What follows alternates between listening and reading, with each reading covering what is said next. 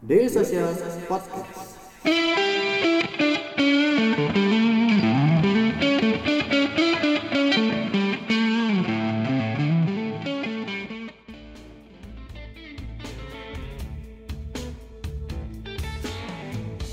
Tadi kan uh, sempat ke juga tentang in, uh, inovasi produk untuk supaya produk atau layanan dari startup itu jangan terfokus ke satu hal gitu ya. Da, uh, sebenarnya gimana sih mas cara misalkan suatu startup yang mungkin lagi menghadapi masa pandemi seperti ini, tapi dia uh, berusaha untuk mencoba untuk memberikan inovasi produk baru atau layanan baru. Gimana sih mas sebenarnya uh, step by stepnya mulai dari dia melihat uh, situasinya hingga sampai ke adanya inovasi baru tersebut. Iya. Jadi satu sih memang um, fokus kepada problem yang mau di solve dulu. Ini kan selalu lah, ini this is the, the fundamental of startup memang it's coming back to the problem. Nah ini juga coming back again to the current problem gitu di situasi seperti ini gitu. Mau itu ibaratnya pandemi kayak misalnya terjadi apa dan dan sebagainya ya. Kalau misalnya disaster lain-lain lah gitu yang akhirnya mesti men-shutdown semuanya kan. Kembali ke, ke, ke, ke situ sih ke problem awalnya. Lihat di situ dan assess uh, beberapa matriks yang kira-kira scalable. Jadi contohnya kalau kita kan kita sebenarnya juga bukan cuman uh, solusinya udah gitu kepikiran udah gitu kita deploy gitu. Kita juga ukur kan kira-kira berapa kota yang bisa pakai atau misal berapa klien yang bisa pakai lah gitu dari segi pemerintahan udah gitu total user dan sebagainya jadi market total addressable marketnya dianalisa lagi how big is the problem gitu. Uh, biar fokus ke arah problem itu aja gitu. Karena kan resource kita juga mesti di contain kan, apa di di conserve lah gitu, jangan terlalu berlebihan juga akhirnya melakukan R&D sebanyak-banyak akhirnya jadi jadi ke mana-mana gitu. Tapi arahin benar-benar ke satu problem, lalu di situ create the solution langsung. Jadi langsung bangun solutionnya cepat.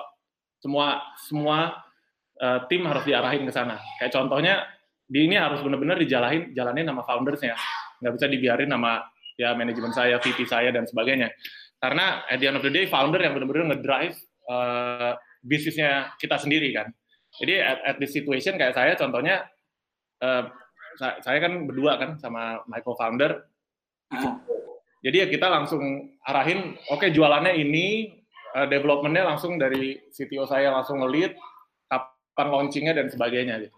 Jadi um, gerakannya juga cepat. Kalau misalnya kita ngikutin, kadang-kadang mesti ngedisrupt organizational structure yang di di dalam juga gitu karena memang kondisi yang apa ya lumayan spesial seperti ini kan seperti itu nah begitu udah dapat titiknya baru ya udah langsung langsung arahin semua fokusnya ke sana dari sales penjualannya kayak contohnya sekarang even semua sales enterprise kita jualan di government gitu uh, karena oh. memang udah udah nggak ada it, doesn't make sense untuk jualan di situ kan. Jadi kita benar-benar arahin semuanya ke sana karena memang satu demand di government tinggi sementara di enterprise menurun drastis.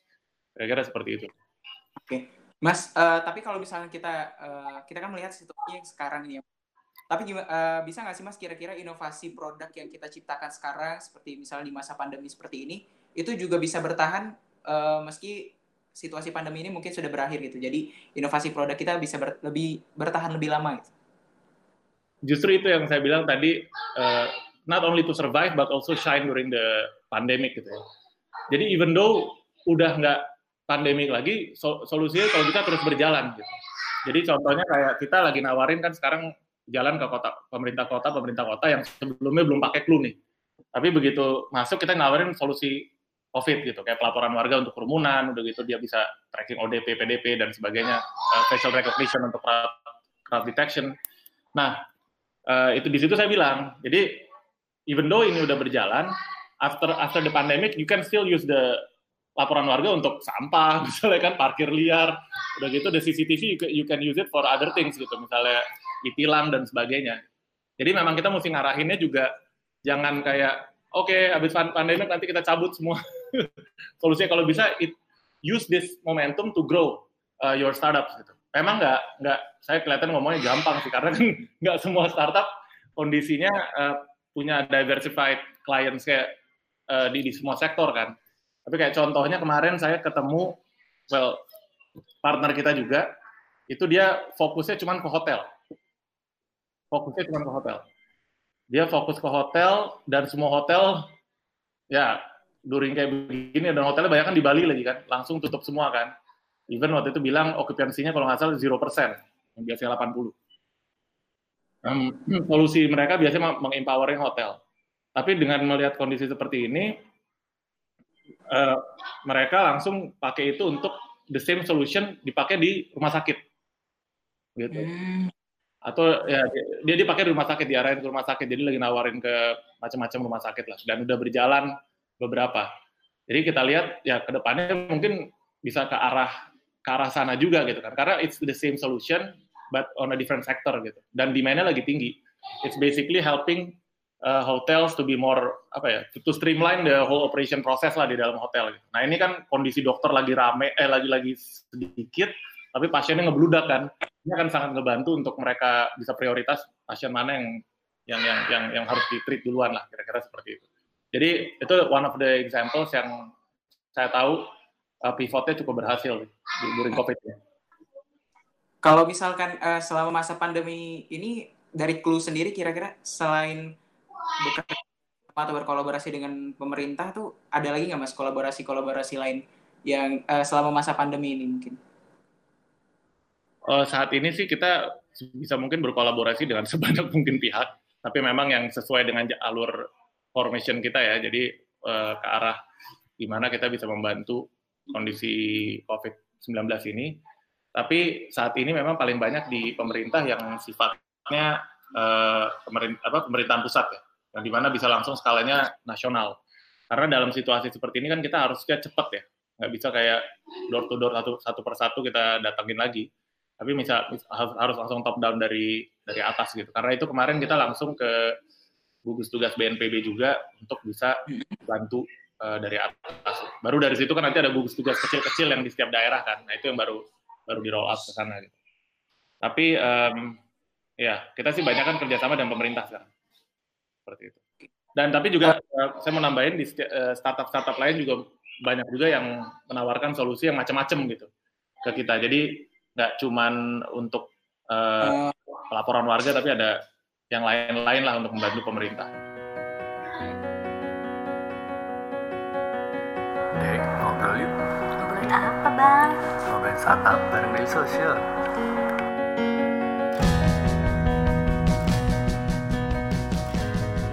Daily Social Podcast. Uh, mas sebenarnya gimana? Uh, saya tertarik gimana sih sebenarnya misalkan uh, suatu startup punya suatu inovasi produk baru dan uh, gimana sih uh, caranya dia bisa menawarkan inovasi produk tersebut kepada pemerintah? Nah, ini um, ini ini ini sebagian besar memang banyak yang terjadi akhirnya karena memang pemerintah itu kan oke okay, gini startup kan dari yang masih kecil itu agak sulit untuk bisa langsung dealing dengan uh, pemerintah. Hmm. Mereka kan mungkin baru mulai 9 bulan misalnya nama juga belum ada. Tapi di tengah COVID seperti ini uh, justru kita banyak ngegandeng mereka. Ya, jadi tadi uh, Mas Rama juga udah sempat mention beberapa hal ya. Sebelum uh, sebelum ini mungkin ada teman-teman yang masih ber, uh, baru bergabung juga. Tadi ada uh, tentang bagaimana suatu startup harus peka terhadap uh, situasi pandemik ini dengan mengeluarkan inovasi-inovasi produk yang bukan cuma untuk survive tapi juga uh, kalau bisa untuk bertahan lama. Dan uh, sekarang kita balik lagi ke pertanyaan tadi ya Mas ya. Uh, ya, yeah. gimana kira-kira startup yang mungkin masih kecil atau apa tapi atau masih baru tapi dia punya inovasi produk baru dan gimana cara dia bisa menawarkan inovasi tersebut kepada pemerintah? Ya, kalau dalam kondisi seperti ini saya ingat beberapa startup yang terintegrasi juga dengan Clue karena pandemik ini. Dan ini langsung ibaratnya yang mereka tadi nggak kedengeran jadi maksudnya langsung langsung langsung masuk lah gitu ke dalam pemerintahan pusat. The, the best strategy right now is actually to to embed your product uh, ke startup yang sebenarnya udah udah masuk ke dalam pemerintahan. Karena kalau misalnya nawarin one by one, ibaratnya bersurat dan mereka juga lagi sibuk kan ibaratnya kayak gitu kan. Itu akan akan sangat sulit sih. So it's better to go through uh, another company yang udah udah udah connect ke dalam juga. Gitu. Kalau untuk Clue sendiri ber, uh, gimana sih Mas yang tadi yang disediakan medium pelaporan kan uh, uh, oleh Clue itu tahap-tahapannya sampai ke instansi lain atau tempat berkolaborasinya mungkin dari uh, user melaporkan kepada clue kira-kira berapa la, berapa lama atau seberapa cepat laporan tersebut bisa ditindaklanjuti gitu itu kembali lagi tergantung dari masing-masing kota ya. Jadi kan kita sudah kerjasama juga dengan lebih dari 30-40 kota dan juga eh, polda-polda di Indonesia gitu. Nah instansinya tergantung siapa yang mendapatkan itu paling cepat lah gitu untuk merespon. Kepolisian juga bisa dapat eh, bisa dapat laporannya untuk direspon. Begitu juga dengan Pemda. Jadi semuanya berkolaborasi untuk ibaratnya menyelesaikan permasalahan yang ada saat ini. Kalau saya lihat sih memang rata-ratanya nggak berubah kita sih biasanya dalam 2-3 hari semuanya kalau di Jakarta udah diberesin uh, permasalahan-permasalahan apa pun in general gitu. Di luar juga sebenarnya sama sih, nggak, jauh berubah gitu. Ada yang hitungan jam, ada yang hitungan hari, tergantung dari permasalahan. Cuman kayak kerumunan warga begini, kalau misalnya polisi sekarang ya jadinya langsung ditindak. kan bisa kelihatan juga kan uh, apa namanya banyak penindakan-penindakan di lapangan. Dan ini yang uh, saya harap sih warga benar-benar bisa berpartisipasi untuk laporin ya. Karena kalau ngelihat di indonesiabergerak.com, jadi kita bersama MDI Ventures dan beberapa startup yang uh, lain, ada kata.ai, Volantis, Kiskas, dan sebagainya, itu kita buat satu website namanya indonesiabergerak.com. Itu untuk oh. ya, itu untuk memonitor uh, semua data-data yang terkait dengan COVID lah. Nah, kita kontribusi salah satunya di pelaporan laporan uh, warga. Di situ bisa kelihatan tuh uh, ternyata memang masih banyak yang bandel di, luar sana untuk apa melanggar inilah PSBB lah kasarnya gitu. Jadi ya uh, I really hope satu adalah warga sadar, yang kedua adalah kalau misalnya memang melanggar mak makin banyak yang laporin akan sangat membantu pemerintah sih at the moment gitu. Dan solusi seperti ini kebetulan memang baru Indonesia yang ada. Lucunya negara, negara tetangga kita beberapa uh, minta solusi yang sama begitu melihat Indonesia bergerak.com Cuman karena kita lagi fokusnya di sini, um, ya kita fokus di sini dulu. Gitu. Karena memang that's the the whole objective kan untuk menekan COVID-19, uh, suppress apa suppress COVID-19 di Indonesia. Kalau misalkan uh, selain medium pelaporan, ada lagi nggak mas kira-kira uh, inovasi yang lagi digarap atau lagi disusun oleh Clue bekerja sama dengan pihak-pihak uh, lain mungkin selama masa pandemi ini? Ya, jadi kalau di kita sendiri ada yang namanya Clue Dashboard. Jadi dashboard ini memang di, biasanya dijadikan uh, dashboard, dashboard command center. Ini biasanya dijadikan kayak semacam master dashboard untuk monitoring seluruh permasalahan yang ada. Gitu. Nah, permasalahan ini kan tadi saya bilang bukan dari laporan warga aja, tapi juga dari uh, apa namanya CCTV. Ada juga kalau kepolisian telepon 110 dia masuk ke langsung ke dashboard kita gitu. Jadi kayak 911 tapi kalau di polisi 110. Um, ada beberapa startup yang kita lagi integrasi terkait macam-macam. Jadi monitoring sosial media uh, untuk bisa tahu lah ya penyebaran hoax dan sebagainya. Setelah itu juga untuk tracing um, apa tra tracing COVID-19 ya. Jadi kalau misalnya ada satu orang yang kena, kira-kira dia udah udah udah sekitarnya kemarin tujuh hari ini ke mana aja lah kira-kira kayak gitu. Karena di beberapa daerah itu kan ada yang masuk ke misalnya uh, sekarang tiap daerah sih benar-benar ditanya sih, misalnya masuk kota Semarang misalnya gitu, langsung ditanya dari mana, berapa lama, ah, iya. ya kayak gitu-gitu kan. Nah ini kadang-kadang banyak yang bohong juga.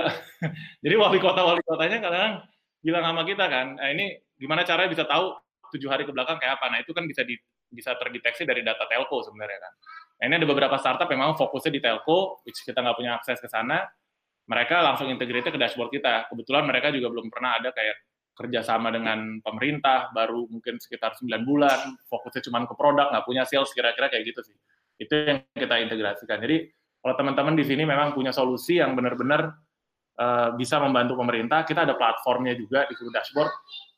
Nanti bisa diintegrasin, semakin kaya datanya kan semakin bagus. Gitu.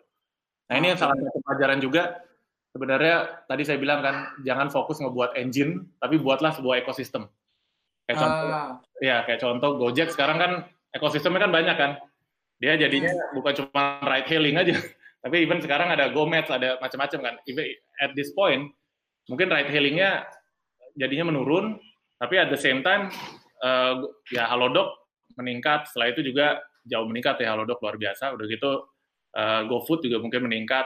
Begitu juga dengan kayak contohnya platform-platform lain yang saya lihat jadinya memunculkan ekosistemnya mereka lah gitu. Karena itu yang yang yang saya bilang bisa sustain lebih lama karena itu uh, ekosistem tapi bukan engine. Jangan lupa subscribe Ngobrolin Startup Daily Social Podcast di SoundCloud, Spotify, atau aplikasi podcast favorit kamu. Oke Mas Rama. Dan uh, ini udah beberapa pertanyaan nih Mas yang tadi udah ada di live chat kita. Yang pertama nih ada dari Iwan Junaidi. Dia bertanya, uh, tadi kan, oh tadi kan Mas Rama sempat membahas Clue juga mensupport enterprise. Nah, dia bertanya gimana sih mas um, bentuk dari uh, support ke terhadap enterprise? Uh, support kita terhadap enterprise. Ya. Jadi dulu kita kan fokusnya ke smart city. Smart city itu pembagiannya bukan hanya government, tapi harus kita support industri karena industri ini kan bagian dari perkotaan itu sendiri kan. Uh, selain itu juga ada people, which is smart citizen. Nah, industri ini yang kita support sekarang enterprise-nya macam-macam. Jadi ada Kota Mandiri, kalau kota Kota Mandiri kita kerjasama dengan beberapa kayak uh, Alam Sutra, Sinarmas, uh, Agung Sedayu dan sebagainya. Setelah itu juga kita kerjasama dengan pabrik-pabrik, pabrik-pabrik, retail kayak mall dan sebagainya. Ini biasanya yang digunakan oleh enterprise itu lebih ke arah produk-produk uh, computer vision ya atau um, artificial intelligence AI kita untuk mengcapture permasalahan yang ada di dalam sebuah area gitu. Misalnya di di dalam mall dia ada intrusion uh, di tempat-tempat tertentu yang di mana itu blind spot dari satpam lah kira-kira seperti itu. Nanti kalau misalnya ada ada permasalahan di sana si CCTV langsung ngasih tahu satpam terdekat bahwa di situ ada masalah. Atau misalnya uh, crowd crowd counting atau people counting di dalam mall. Dia kan selama ini ibaratnya kadang-kadang ya beberapa mall itu even naruh orang untuk ngitungin apa ngitungin visitor keluar masuk gitu. Nah ini cuma pakai CCTV aja bisa. Atau juga di pabrik-pabrik beberapa untuk uh, facial recognition, akses di, di apa namanya digabungin dengan uh, pintu akses. Jadi dia bisa langsung masuk tapi menggunakan uh, apa scan wajah ya. Atau di properti. Nah properti ini kita banyak sebenarnya untuk membantu mereka uh, mengurangi illegal parking.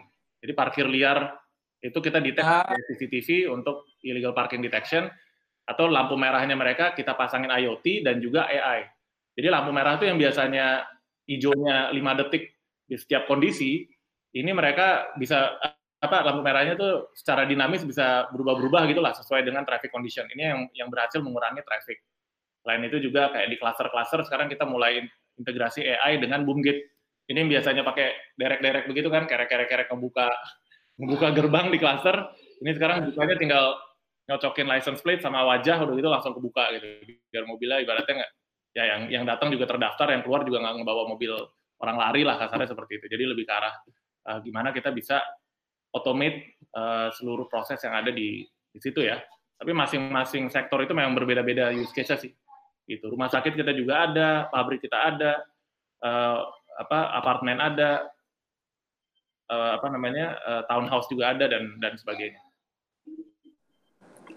Kalau misalkan selain uh, penerapan teknologi tersebut, Mas, kalau misalkan pelaporannya masih manual dari warga setempat, itu uh, lu selain apa uh, udah selain Jakarta udah belum? Oh iya, kita selain Jakarta ada kota-kota lain sih, Jakarta, Makassar, Bandung, uh. Belitung. Jadi banyak sih sebenarnya yang udah udah berjalan juga. Um, tapi kita juga bukan itu kan kerjasama dengan pemerintah kotanya ya.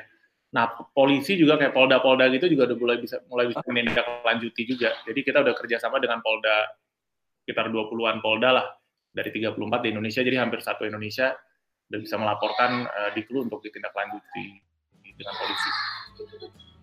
Oke, pertanyaan tadi menjadi penutup selasa startup kita pada malam hari ini. Terima kasih Mas Rama atas waktu dan juga sharing yang sangat insightfulnya. Terima kasih untuk teman-teman yang dari tadi udah nonton dan juga memberikan pertanyaan. Dan buat kamu yang ketinggalan, jangan khawatir karena selasa startup malam ini juga akan tayang di channel podcast kita. Dan terima kasih untuk kalian yang selalu setia untuk dengerin podcast Daily Social. Kalau gitu, saya Ilham Sanjay sebagai moderator pamit undur diri. Sampai jumpa di Selasa Startup minggu depan.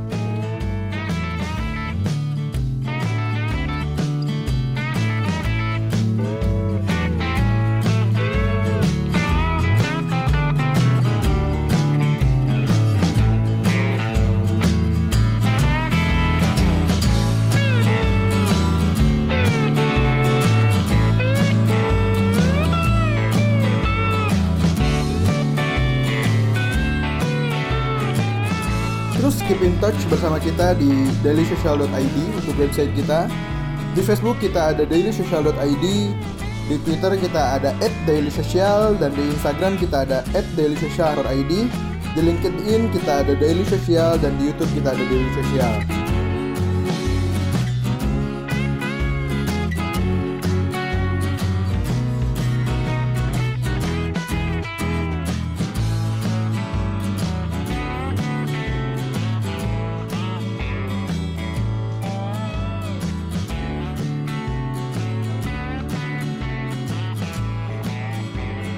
Social Podcast.